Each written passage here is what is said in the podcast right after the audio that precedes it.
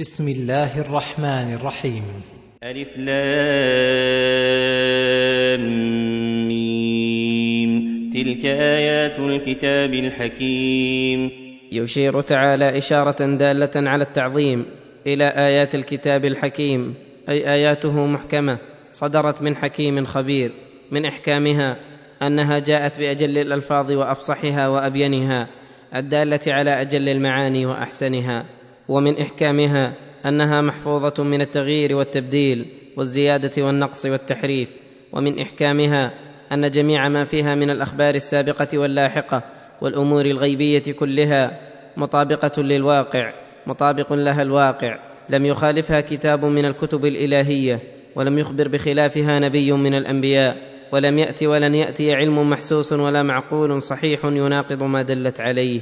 ومن إحكامها أنها ما أمرت بشيء إلا وهو خالص المصلحة أو راجحها ولا نهت عن شيء إلا وهو خالص المفسدة أو راجحها وكثيرا ما يجمع بين الأمر بالشيء مع ذكر حكمته فائدته والنهي عن شيء مع ذكر مضرته ومن إحكامها أنها جمعت بين الترغيب والترهيب والوعظ البليغ الذي تعتدل به النفوس الخيرة وتحتكم فتعمل بالحزم.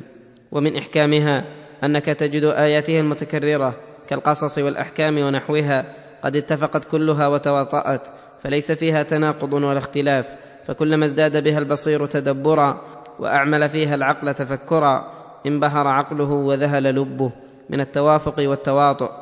وجزم جزما لا يمترى فيه أنه تنزيل من حكيم حميد. هدى ورحمة للمحسنين. ولكن مع أنه حكيم يدعو إلى كل خلق كريم وينهى عن كل خلق لئيم أكثر الناس محرومون الاهتداء به معرضون عن الإيمان والعمل به إلا من وفقه الله تعالى وعصمه وهم المحسنون في عبادة ربهم والمحسنون إلى الخلق. فإنه هدى لهم يهديهم إلى الصراط المستقيم ويحذرهم من طرق الجحيم ورحمة لهم تحصل لهم به السعادة في الدنيا والآخرة والخير الكثير والثواب الجزيل والفرح والسرور ويندفع عنهم الضلال والشقاء. الذين يقيمون الصلاة ويؤتون الزكاة وهم بالآخرة هم يوقنون. ثم وصف المحسنين بالعلم التام وهو اليقين الموجب للعمل والخوف من عقاب الله فيتركون معاصيه ووصفهم بالعمل وخص من العمل عملين فاضلين الصلاة المشتملة على الإخلاص ومناجاة الله تعالى والتعبد العام للقلب واللسان والجوارح المعينة على سائر الأعمال.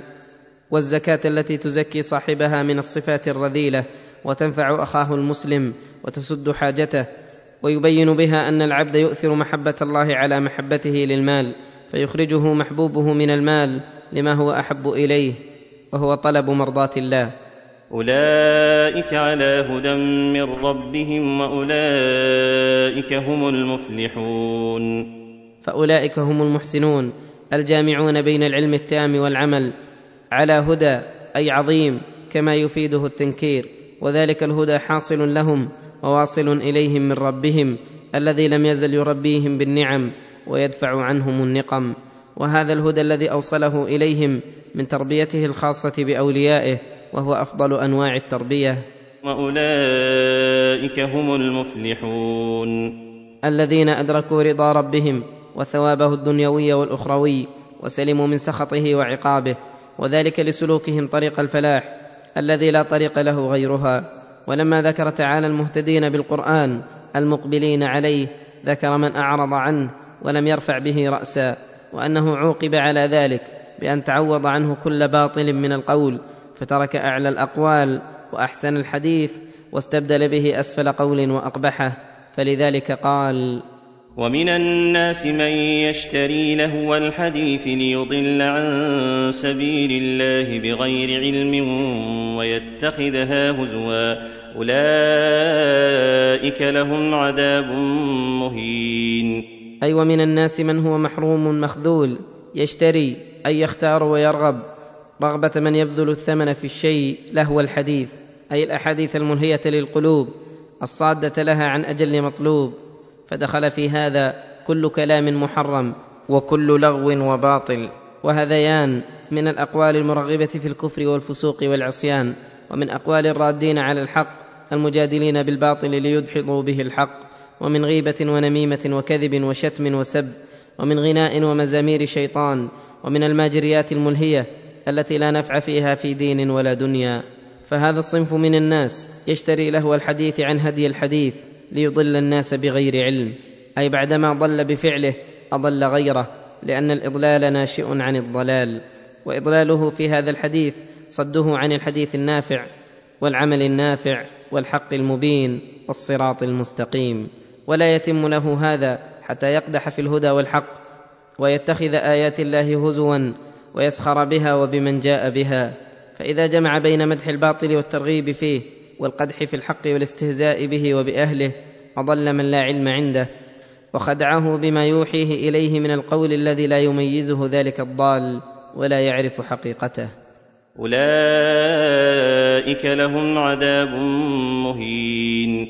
بما ضلوا وأضلوا واستهزأوا بآيات الله وكذبوا الحق الواضح ولهذا قال واذا تتلى عليه اياتنا ولى مستكبرا كان لم يسمعها كان في اذنيه وقرا فبشره بعذاب اليم واذا تتلى عليه اياتنا ليؤمن بها وينقاد لها ولى مستكبرا أي أدبر إدبار مستكبر عنها راد لها ولم تدخل قلبه ولا اثرت فيه بل ادبر عنها كان لم يسمعها بل كأن في أذنيه وقرا أي صمما لا تصل إليه الأصوات فهذا لا حيلة في هدايته.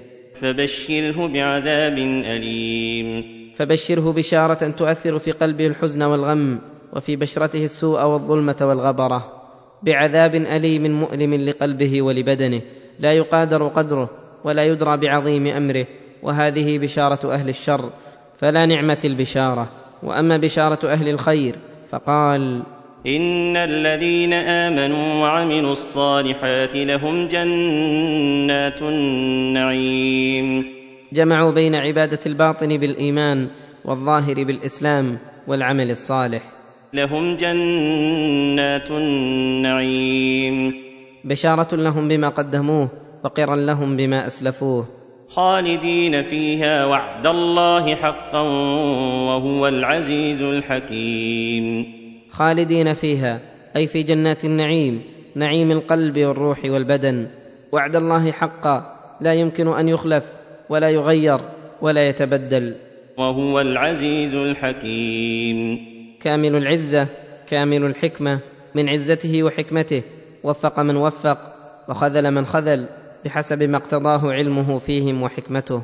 خلق السماوات بغير عمد ترونها وألقى في الأرض رواسي أن تميد بكم وبث فيها وألقى في الأرض رواسي أن تميد بكم وبث فيها من كل دابة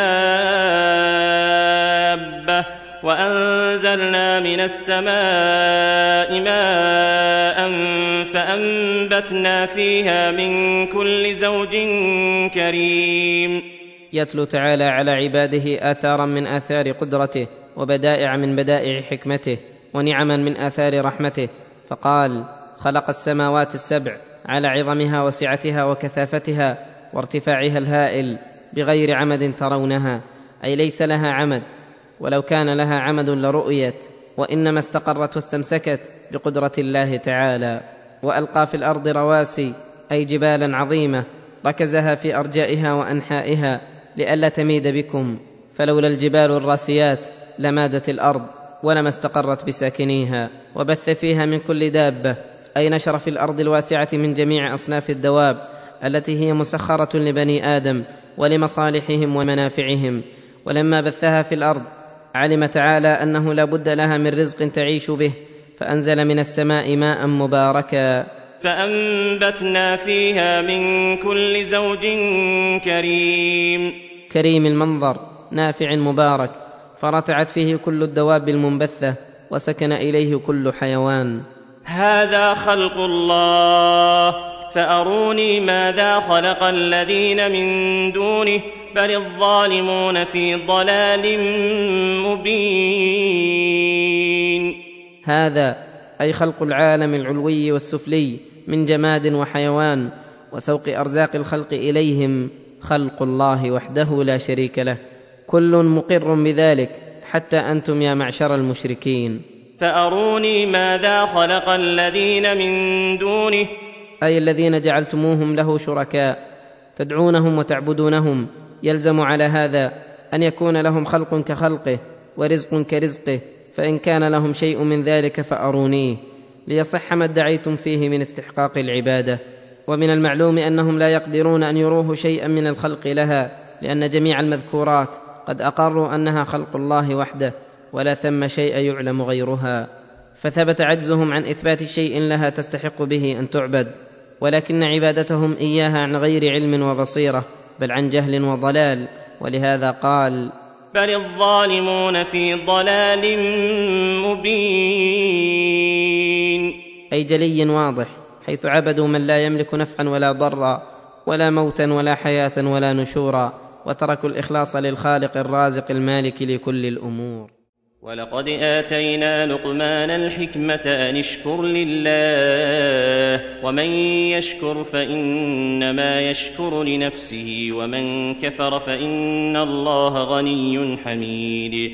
يخبر تعالى عن امتنانه على عبده الفاضل لقمان بالحكمه وهي العلم بالحق على وجهه وحكمته فهي العلم بالاحكام ومعرفه ما فيها من الاسرار والاحكام فقد يكون الانسان عالما ولا يكون حكيما وأما الحكمة فهي مستلزمة للعلم بل وللعمل. ولهذا فسرت الحكمة بالعلم النافع والعمل الصالح. ولما أعطاه الله هذه المنة العظيمة أمره أن يشكره على ما أعطاه ليبارك له فيه وليزيده من فضله. وأخبره أن شكر الشاكرين يعود نفعه عليهم وأن من كفر فلم يشكر الله عاد وبال ذلك عليه. والله غني عنه حميد فيما يقدره ويقضيه على من خالف أمره. فغناه تعالى من لوازم ذاته وكونه حميدا في صفات كماله حميدا في جميل صنعه من لوازم ذاته وكل واحد من الوصفين صفة كمال واجتماع أحدهما إلى الآخر زيادة كمال إلى كمال. واختلف المفسرون هل كان لقمان نبيا أو عبدا صالحا؟ والله تعالى لم يذكر عنه إلا أنه آتاه الحكمة وذكر بعض ما يدل على حكمته في وعظه لابنه فذكر أصول الحكمة وقواعدها الكبار فقال واذ قال لقمان لابنه وهو يعظه يا بني لا تشرك بالله ان الشرك لظلم عظيم.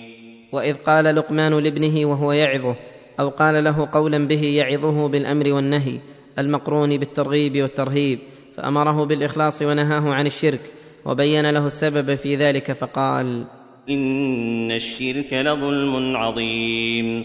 ووجه كونه عظيما أنه لا أفظع وأبشع ممن سوى المخلوق من تراب بمالك الرقاب وسوى الذي لا يملك من الأمر شيئا بمن له الأمر كله وسوى الناقص الفقير من جميع الوجوه بالرب الكامل الغني من جميع الوجوه وسوى من لم ينعم بمثقال ذرة من النعم بالذي ما بالخلق من نعمة في دينهم ودنياهم وأخراهم وقلوبهم وأبدانهم إلا منه ولا يصرف السوء إلا هو.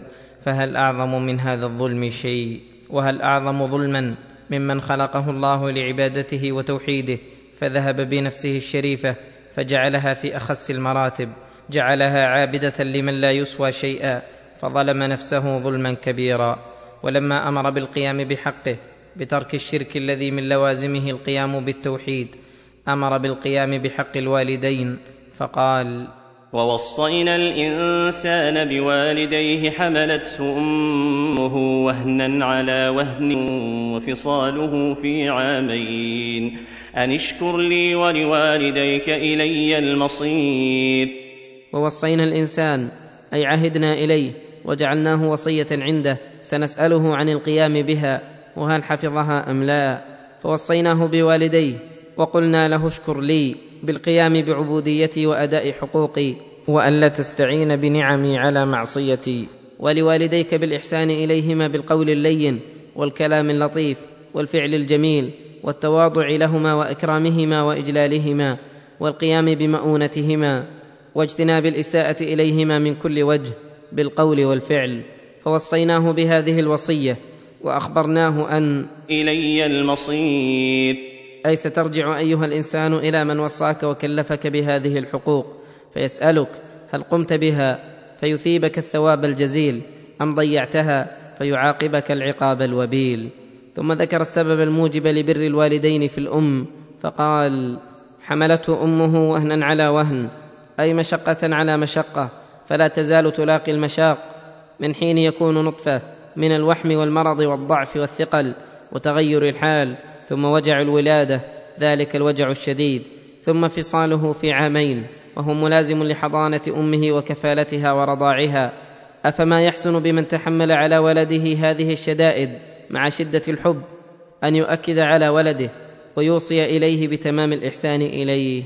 وان جاهداك على ان تشرك بي ما ليس لك به علم فلا تطعهما.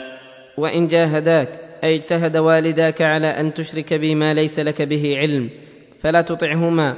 ولا تظن ان هذا داخل في الاحسان اليهما لأن حق الله مقدم على حق كل احد ولا طاعه لمخلوق في معصيه الخالق.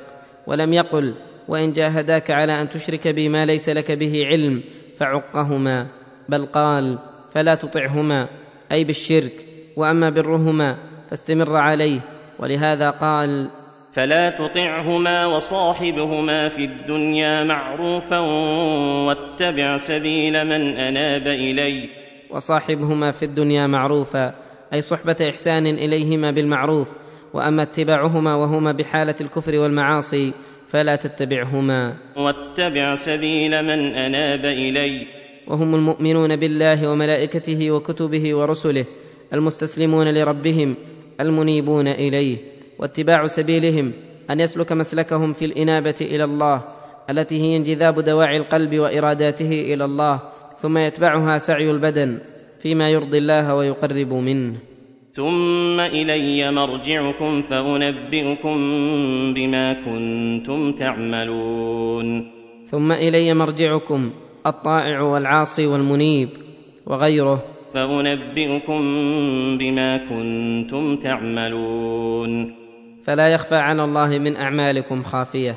يا بني إنها إن تك مثقال حبة من خردل فتكن في صخرة أو في السماوات أو في الأرض يأت بها الله. يأت بها الله إن الله لطيف خبير. يا بني إنها إن تك مثقال حبة من خردل التي هي أصغر الأشياء وأحقرها فتكن في صخرة أي في وسطها أو في السماوات أو في الأرض في أي جهة من جهاتهما يأتي بها الله لسعة علمه وتمام خبرته وكمال قدرته ولهذا قال إن الله لطيف خبير. أي لطف في علمه وخبرته حتى اطلع على البواطن والأسرار وخفايا القفار والبحار والمقصود من هذا الحث على مراقبة الله والعمل بطاعته مهما أمكن والترهيب من عمل القبيح قل أو كثر. يا بني أقم الصلاة وأمر بالمعروف وانه عن المنكر واصبر على ما أصابك إن ذلك من عزم الأمور. يا بني أقم الصلاة حثه عليها وخصها لأنها أكبر العبادات البدنية وأمر بالمعروف وانهى عن المنكر وذلك يستلزم العلم بالمعروف ليأمر به والعلم بالمنكر لينهى عنه والأمر بما لا يتم الأمر بالمعروف والنهي عن المنكر إلا به من الرفق والصبر وقد صرح به في قوله واصبر على ما أصابك إن ذلك من عزم الأمور. ومن كونه فاعلا لما يأمر به كافا لما ينهى عنه فتضمن هذا تكميل نفسه بفعل الخير وترك الشر. وتكميل غيره بذلك بأمره ونهيه. ولما علم أنه لا بد أن يبتلى إذا أمر ونهى وأن في الأمر والنهي مشقة على النفوس أمره بالصبر على ذلك فقال واصبر على ما أصابك إن ذلك من عزم الأمور. إن ذلك الذي وعظ به لقمان ابنه من عزم الأمور أي من الأمور التي يعزم عليها ويهتم بها ولا يوفق لها إلا أهل العزائم. ولا تصعر خدك للناس ولا تمش في الأرض مرحا إن الله لا يحب كل مختال فخور. ولا تصعر خدك للناس أي لا تمله وتعبس بوجهك للناس تكبرا عليهم وتعاظما. ولا تمشي في الأرض مرحا أي بطرا فخرا بالنعم ناسيا المنعم معجبا بنفسك. ان الله لا يحب كل مختال فخور. مختال في نفسه وهيئته وتعاظمه فخور بقوله. واقصد في مشيك واغضض من صوتك ان انكر الاصوات لصوت الحمير واقصد في مشيك أي امش متواضعا مستكينا لا مشي البطر والتكبر ولا مشي التماوت. واغضض من صوتك ادبا مع الناس ومع الله. إن أنكر الأصوات لصوت الحمير إن أنكر الأصوات أي افظعها وأبشعها. لصوت الحمير فلو كان في رفع الصوت البليغ فائدة ومصلحة لما اختص بذلك الحمار الذي قد علمت خسته وبلادته. وهذه الوصايا التي وصى بها لقمان لابنه تجمع أمهات الحكم وتستلزم ما لم يذكر منها وكل وصية يقرن بها ما يدعو إلى فعلها إن كانت أمرا وإلى تركها إن كانت نهيا. وهذا يدل على ما ذكرنا في تفسير الحكمة أنها العلم بالأحكام وحكمها ومناسباتها فأمره بأصل الدين وهو التوحيد ونهاه عن الشرك وبين له الموجب لتركه وأمره ببر الوالدين وبين له السبب الموجب لبرهما وأمره بشكره وشكرهما. ثم احترز بأن محل برهما وامتثال أوامرهما ما لم يأمرا بمعصية ومع ذلك فلا يعقهما بل يحسن إليهما وإن كان لا يطيعهما إذا جاهداه على الشرك وأمره بمراقبة الله وخوفه القدوم عليه وأنه لا يغادر صغيرة ولا كبيرة من الخير والشر إلا أتى بها. ونهاه عن التكبر وأمره بالتواضع ونهاه عن البطر والأشر والمرح وأمره بالسكون في الحركات والأصوات ونهاه عن ضد ذلك وأمره بالأمر بالمعروف والنهي عن المنكر وإقامة الصلاة وبالصبر اللذين يسهل بهما كل أمر كما قال تعالى فحقيق بمن أوصى بهذه الوصايا أن يكون مخصوصا بالحكمة مشهورا بها ولهذا من منة الله عليه وعلى سائر عباده أن قص عليهم من حكمته ما يكون لهم به أسوة حسنة. الم تروا ان الله سخر لكم ما في السماوات وما في الأرض واسبغ عليكم نعمه ظاهره وباطنه ومن الناس من يجادل في الله بغير علم ولا هدى ولا كتاب منير يمتن تعالى على عباده بنعمه ويدعوهم إلى شكرها ورؤيتها وعدم الغفله عنها فقال الم تروا أي تشاهدوا وتبصروا بأبصاركم وقلوبكم أن الله سخر لكم ما في السماوات من الشمس والقمر والنجوم كلها مسخرات لنفع العباد. وما في الأرض من الحيوانات والأشجار والزروع والأنهار والمعادن ونحوها كما قال تعالى هو الذي خلق لكم ما في الأرض جميعا وأسبغ عليكم أي عمكم وغمركم نعمه الظاهرة والباطنة التي نعلم بها والتي تخفى علينا. نعم الدنيا ونعم الدين حصول المنافع ودفع المضار فوظيفتكم أن تقوموا بشكر هذه النعم بمحبة المنعم والخضوع له وصرفها في الاستعانة على طاعته ولا يستعان بشيء منها على معصيته.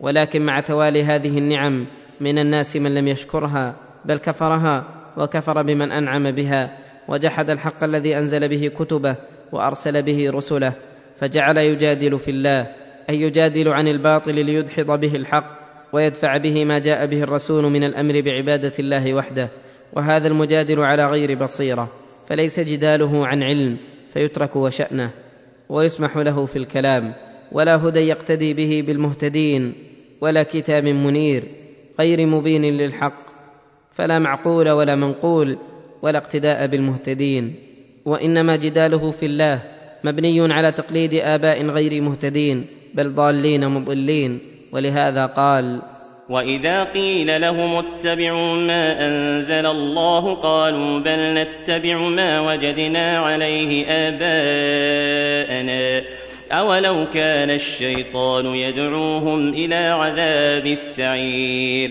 واذا قيل لهم اتبعوا ما انزل الله على ايدي رسله فانه الحق وبينت لهم ادلته الظاهره قالوا معارضين ذلك بل نتبع ما وجدنا عليه آباءنا فلا نترك ما وجدنا عليه آباءنا لقول أحد كائنا من كان. قال تعالى في الرد عليهم وعلى آبائهم أولو كان الشيطان يدعوهم إلى عذاب السعير. فاستجاب له آباؤهم ومشوا خلفه وصاروا من تلاميذ الشيطان واستولت عليهم الحيرة. فهل هذا موجب لاتباعهم لهم ومشيهم على طريقتهم؟ أم ذلك يرهبهم من سلوك سبيلهم وينادي على ضلالهم وضلال من اتبعهم؟ وليس دعوة الشيطان لآبائهم ولهم محبة لهم ومودة وإنما ذلك عداوة لهم ومكر بهم وبالحقيقة أتباعه من أعدائه الذين تمكن منهم وظفر بهم وقرت عينه باستحقاقهم عذاب السعير بقبول دعوته. ومن يسلم وجهه إلى الله وهو محسن فقد استمسك بالعروه الوثقى والى الله عاقبه الأمور. ومن يسلم وجهه إلى الله ان يخضع له وينقاد له بفعل الشرائع مخلصا له دينه وهو محسن في ذلك الاسلام بان كان عمله مشروعا قد اتبع فيه الرسول صلى الله عليه وسلم. أو ومن يسلم وجهه إلى الله بفعل جميع العبادات وهو محسن فيها بأن يعبد الله كأنه يراه فإن لم يكن يراه فإنه يراه. أو ومن يسلم وجهه إلى الله بالقيام بحقوقه وهو محسن إلى عباد الله قائم بحقوقهم. والمعاني متلازمة لا فرق بينها إلا من جهة اختلاف مورد اللفظتين.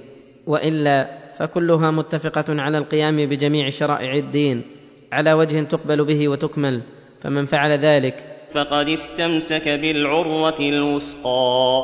أي بالعروة التي من تمسك بها توثق ونجا وسلم من الهلاك وفاز بكل خير. ومن لم يسلم وجهه لله أو لم يحسن لم يستمسك بالعروة الوثقى. وإذا لم يستمسك بالعروة الوثقى لم يكن ثم إلا الهلاك والبوار. وإلى الله عاقبة الأمور. أي رجوعها وموئلها ومنتهاها فيحكم في عباده. ويجازيهم بما آلت إليه أعمالهم ووصلت إليه عواقبهم فليستعدوا لذلك الأمر.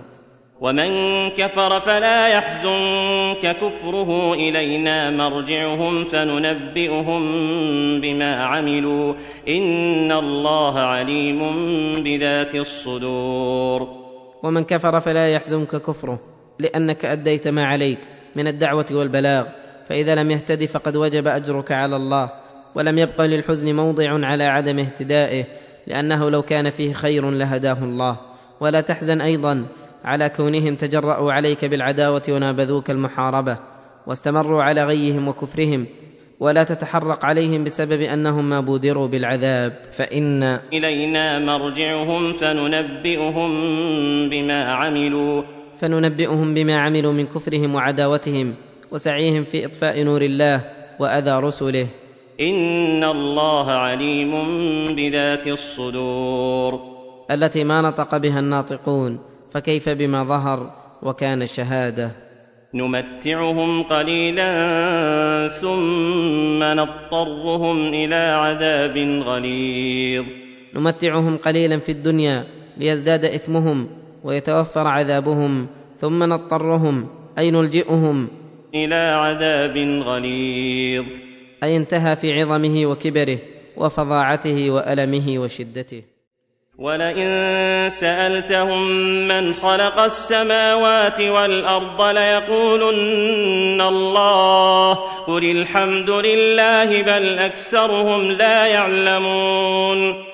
أي ولئن سألت هؤلاء المشركين المكذبين بالحق من خلق السماوات لعلموا أن أصنامهم ما خلقت شيئا من ذلك ولبادروا بقولهم الله الذي خلقهما وحده فقل لهم ملزما لهم ومحتجا عليهم بما أقروا به على ما أنكروا. قل الحمد لله بل أكثرهم لا يعلمون. الحمد لله الذي بين النور وأظهر الاستدلال عليكم من أنفسكم فلو كانوا يعلمون لجزموا أن المنفرد بالخلق والتدبير هو الذي يفرد بالعبادة والتوحيد. ولكن أكثرهم لا يعلمون. فلذلك أشركوا به غيره ورضوا بتناقض ما ذهبوا إليه على وجه الحيرة والشك لا على وجه البصيرة. ثم ذكر في هاتين الآيتين النموذج من سعة أوصافه ليدعو عباده إلى معرفته ومحبته وإخلاص الدين له. لله ما في السماوات والأرض إن الله هو الغني الحميد. فذكر عموم ملكه وأن جميع ما في السماوات والأرض وهذا شامل لجميع العالم العلوي والسفلي أنه ملكه يتصرف فيهم بأحكام الملك القدرية وأحكامه الأمرية وأحكامه الجزائية فكلهم عبيد مماليك مدبرون مسخرون ليس لهم من الملك شيء وأنه واسع الغنى فلا يحتاج إلى ما يحتاج إليه أحد من الخلق ما أريد منهم من رزق وما أريد أن يطعمون وأن أعمال النبيين والصديقين والشهداء والصالحين لا تنفع الله شيئا. وإنما تنفع عامليها. والله غني عنهم وعن أعمالهم ومن غناه أن أغناهم وأقناهم في دنياهم وأخراهم. ثم أخبر تعالى عن سعة حمده وأن حمده من لوازم ذاته فلا يكون إلا حميدا من جميع الوجوه فهو حميد في ذاته وهو حميد في صفاته. فكل صفة من صفاته يستحق عليها أكمل حمد وأتمه لكونها صفات عظمة وكمال وجميع ما فعله وخلقه يحمد عليه. وجميع ما أمر به ونهى عنه يحمد عليه وجميع ما حكم به في العباد وبين العباد في الدنيا والآخرة يحمد عليه. ثم أخبر عن سعة كلامه وعظمة قوله بشرح يبلغ من القلوب كل مبلغ وتنبهر له العقول وتحير فيه الأفئدة وتسيح في معرفته أولو الألباب والبصائر. فقال ولو أن ما في الأرض من شجرة أقلام والبحر يمده من بعده سبعة أبحر ما نفدت كلمات الله. إن الله عزيز حكيم. ولو ان ما في الأرض من شجرة أقلام يكتب بها والبحر يمده من بعده سبعة أبحر مدادا ليستمد بها. لتكسرت تلك الأقلام ولفني ذلك المداد ولم تنفذ كلمات الله تعالى وهذا ليس مبالغة لا حقيقة له بل لما علم تبارك وتعالى أن العقول تتقاصر عن الإحاطة ببعض صفاته وعلم تعالى أن معرفته لعباده أفضل نعمة أنعم بها عليهم. وأجل منقبة حصلوها وهي لا تمكن على وجهها ولكن ما لا يدرك كله لا يترك كله. فنبههم تعالى تنبيها تستنير به قلوبهم وتنشرح له صدورهم ويستدلون بما وصلوا إليه إلى ما لم يصلوا إليه ويقولون كما قال أفضلهم وأعلمهم بربه لا نحصي ثناء عليك أنت كما أثنيت على نفسك وإلا فالأمر أجل من ذلك وأعظم. وهذا التمثيل من باب تقريب المعنى الذي لا يطاق الوصول إليه إلى الأفهام والأذهان. وإلا فالأشجار وإن تضاعفت على ما ذكر اضعافا كثيرة والبحور لو امتدت بأضعاف مضاعفة. فإنه يتصور نفادها وانقضاؤها لكونها مخلوقة. وأما كلام الله تعالى فلا يتصور نفاده بل دلنا الدليل الشرعي والعقلي على أنه لا نفاد له ولا منتهى وكل شيء ينتهي إلا الباري وصفاته وأن إلى ربك المنتهى. وإذا تصور العقل حقيقة أوليته تعالى وآخريته وأنه كل ما فرضه الذهن من الأزمان السابقة مهما تسلسل الفرض والتقدير فهو تعالى قبل ذلك إلى غير نهاية وأنه مهما فرضه الذهن والعقل من الأزمان المتأخرة وتسلسل الفرض والتقدير وساعد على ذلك من ساعد بقلبه ولسانه فالله تعالى بعد ذلك إلى غير غاية ولا نهاية. والله في جميع الأوقات يحكم ويتكلم ويقول ويفعل كيف أراد وإذا أراد لا مانع له من شيء من أقواله وأفعاله فإذا تصور العقل ذلك عرف أن المثل الذي ضربه الله لكلامه ليدرك العباد شيئا منه وإلا فالأمر أعظم وأجل. ثم ذكر جلالة عزته وكمال حكمته فقال إن الله عزيز حكيم. أي له العزة جميعا الذي ما في العالم العلوي والسفلي من القوة إلا منه. أعطاها للخلق فلا حول ولا قوة إلا به. وبعزته قهر الخلق كلهم وتصرف فيهم ودبرهم. وبحكمته خلق الخلق وابتدأه بالحكمة وجعل غايته والمقصود منه الحكمة وكذلك الأمر والنهي وجد بالحكمة وكانت غايته المقصودة الحكمة فهو الحكيم في خلقه وأمره. ثم ذكر عظمة قدرته وكمالها وأنه لا يمكن أن يتصورها العقل فقال ما خلقكم ولا بعثكم إلا كنفس واحدة إن الله سميع بصير. وهذا شيء يحير العقول. إن خلق جميع الخلق على كثرتهم وبعثهم بعد موتهم بعد تفرقهم في لمحة واحدة كخلقه نفسا واحدة. فلا وجه لاستبعاد البعث والنشور والجزاء على الأعمال. إلا الجهل بعظمة الله وقوة قدرته. ثم ذكر عموم سمعه لجميع المسموعات وبصره لجميع المبصرات فقال إن الله سميع بصير. ألم تر أن الله يولج الليل في النهار ويولج النهار في الليل؟ وسخر الشمس والقمر كل يجري إلى أجل مسمى وأن الله بما تعملون خبير. وهذا فيه أيضا انفراده بالتصرف والتدبير وسعة تصرفه بإيلاج الليل في النهار وإيلاج النهار في الليل أي إدخال أحدهما على الآخر فإذا دخل أحدهما ذهب الآخر. وتسخيره للشمس والقمر يجريان بتدبير ونظام لم يختل منذ خلقهما ليقيم بذلك من مصالح العباد ومنافعهم في دينهم ودنياهم ما به يعتبرون وينتفعون. وكل منهما يجري إلى أجل مسمى. إذا جاء ذلك الأجل انقطع جريانهما وتعطل سلطانهما وذلك في يوم القيامة حين تكور الشمس ويخسف القمر وتنتهي دار الدنيا وتبتدئ الدار الآخرة. وأن الله بما تعملون خبير. وأن الله بما تعملون من خير وشر خبير لا يخفى عليه شيء من ذلك. وسيجازيكم على تلك الأعمال بالثواب للمطيعين والعقاب للعاصين. ذلك بأن الله هو الحق وأن ما يدعون من دونه الباطل وأن الله هو العلي الكبير. وذلك الذي بين لكم من عظمته وصفاته ما بين بأن الله هو الحق في ذاته وفي صفاته ودينه حق ورسله حق ووعده حق ووعيده حق وعبادته هي الحق. وأن ما يدعون من دونه الباطل في ذاته وصفاته فلولا ايجاد الله له لما وجد ولولا إمداده لما بقي. فإذا كان باطلا كانت عبادته أبطل وأبطل. وأن الله هو العلي الكبير.